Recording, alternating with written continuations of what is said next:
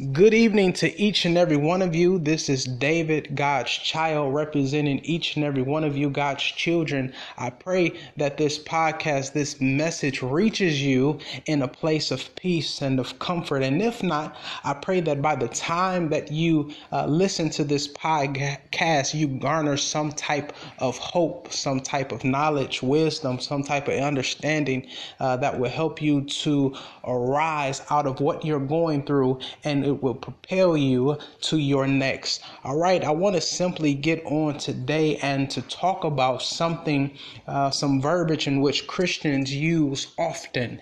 Uh, oftentimes, you will hear Christians say, light, to be light. What does it mean to be light in darkness? Jesus, oftentimes, when he talked to his disciples, he tells them to be the light he tells the people of God to be the light. In John chapter 1, he, Jesus says, calls men to be light and darkness. He calls us from and to. But before we get into that, I want to just simply pray, Spirit of the living God, we thank you for yet another day, life, health, and strength. God, we thank you for protecting and keeping us thus far.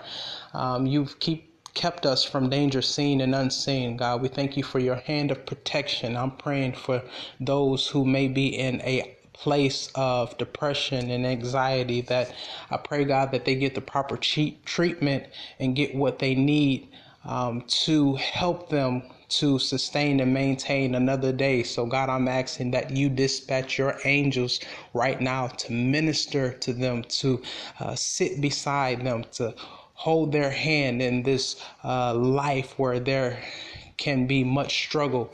So, God, I'm praying for those who have listened and sacrificed um, that you will continue to add an extra blessing, extra portion to the listeners of this podcast. In your son Jesus' name, we pray.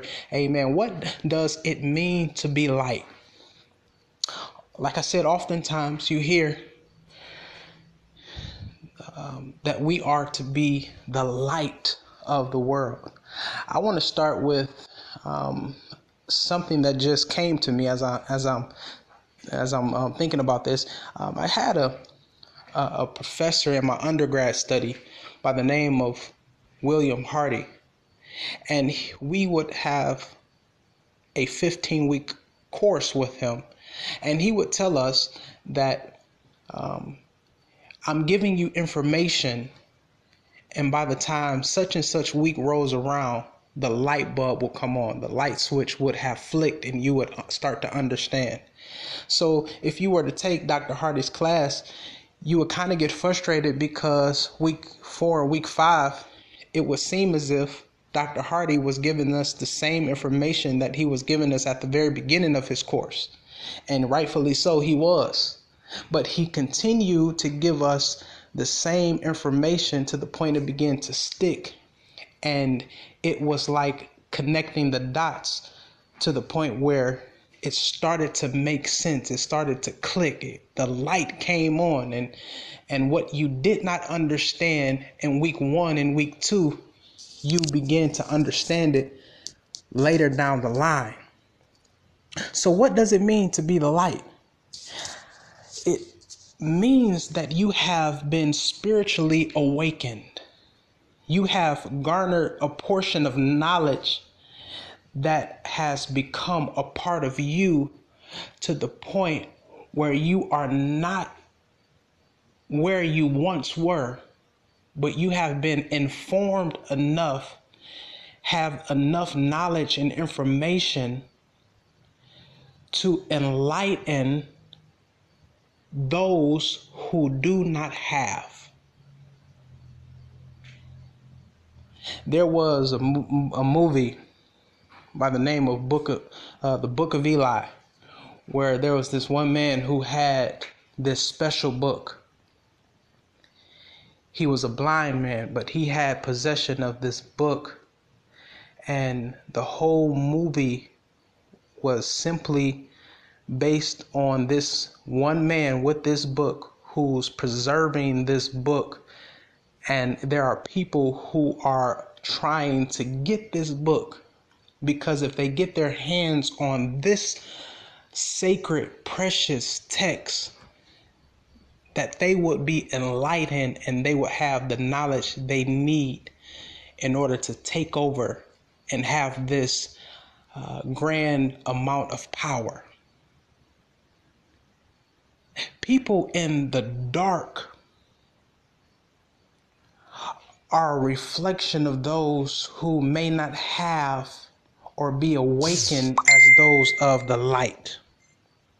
So we talk about being the light in the darkness when you think of a light in a from a practical from a practical form if you turn on the light in the dark room the light transmutes and it illuminates a reflection so that you may be able to see something that someone in the dark cannot see which allows you to be able to possess more because of the light that transmutes and um, uh, illuminates in this vicinity. The light comes on and it allows you to see what you could not once see in the dark. The more information that one obtains allows them or gives them the ability, the capacity to obtain more. There's one saying that said if you wanted to hide something, just put it in a book because a lot of people do not read. And rightfully so, there's information in books that will open up the mind, that will cause the mind to uh, think, and it will cause the inner man to expand and his imaginary imaginary senses his imagination would begin uh, to uh, move around to the point where he's able to envision things that he could not see uh, prior to reading. The person that is in the dark is the inform is the one who lacks information. Therefore it is harder for them to see more than what they are more than what they see so we talk about illuminating we talk about being the light god calls us from and to so that when you obtain this breath of knowledge this pool of knowledge that you come out of the darkness, but then you begin to turn around and reach your hand in and pull another person out of darkness. What is this light? In Christianity, this light is truth.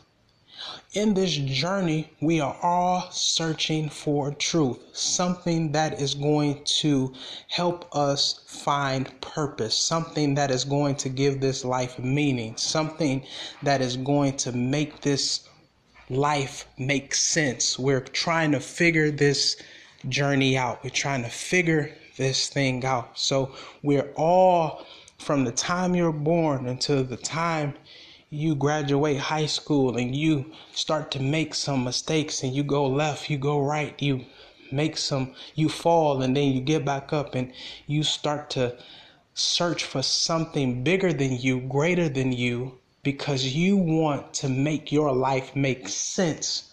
So we begin to pursue reading books, we begin to search for what is the truth. You see somebody in their 20s, they dabble over here for a little while, they dabble over here for a little while, and to the point where the light switch comes on. And the truth you discover, the truth you are more comfortable with, becomes a part of you.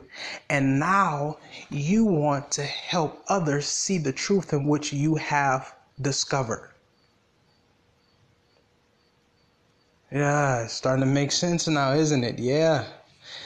This truth, this, this, this light in which we possess has to be ignited. Every flame in which is ignited didn't always wasn't always a flame. It started off dark. Didn't if you look at a candlestick it didn't start off on fire. It was just a candlestick with no light at the end but something came along and lit the candlestick. So now the candlestick illuminates such as the case within our human experience. We're not always uh, we weren't always privy to knowledge or weren't always privy to knowing, but something, someone came along and gave some type of inspiration and hope and lit the wick in your life to the point where now you are in pursuit of growing and maturing and uh, expanding and becoming more, and you're being a critical thinker. You're not thinking the way you thought last year or the year before that. And now that you are thinking more, you want to possess more. So now you understand that there is something bigger than you that created all of these things around you. You become, you get in tune with this God in which we serve, and the God in which we serve, you realize He can give you all of the things that your heart desires and whatever you put your heart to and your eyes on you start to realize i can really obtain these things. Why? Because i read in a book here that this guy has it. He's no different from me. The same god that created me is the same god that created him. And if he can get it i'm sure that type of god can do it for me. When you open up your uh, your mind and you begin to read and you begin to allow your mind to uh, marry the words on the book, you allow yourself to partake and engage in the fruitful dialogues of those forefathers who have went before you and those theologians and scholars who have discovered that in which you have been living your whole life for this moment. And you read what they begin to write and you start to find your own niche and you start to uh, find your own purpose and your purpose begins to awaken and now there is the new birth of this you. There is a hidden you within you that you do not know but someone has to come along and light the candle so that the fire can grow. And as you continue to read you continue to add fuel to the fire and now the secret person that was in you is now fully awakened and now you are the light of the world in a world full of darkness. Then we ask the question in Christianity how will you serve? Now that you are fully awakened and you know all that you know, how will you turn around and become the light for someone else? There are those who are weaker than us. How will you lift them? Christianity, we are about ministry. And Paul says this ministry that we have, we have it because there was a portion of mercy that was given to us. And we are to not faint. What type of service are you given towards the ministry to do for those who cannot do for themselves, those who are not as lit as you, those who are not as free and liberated as you, those who cannot put clothes on their own backs and food on their own tables and put drink in their own cups, and those who are locked away behind prison bars. How will you give back to those. You are the light of the world. I pray that through this podcast you realize that God has given you portion of light and it's not to be wasted. It is to be illuminated amongst the world. Let your light so shine before man, is what God, is what Jesus told his disciples. Let your light so shine amongst men. We used to sing a song in uh, Vacation Bible School This little light of mine, I'm going to let it shine. This little light of mine, I'm going to let it shine everywhere I go. Let your light so shine that someone wants to be just like you. All right, y'all go in peace. Y'all go in love. I pray that this message reaches you and inspires you and lifts you to the point where you begin to uh, illuminate your own light and you don't allow your light to be dimmed in the presence of darkness, but you speak up, you speak out, you let your light shine for the glory of God. All right, love you all. Peace.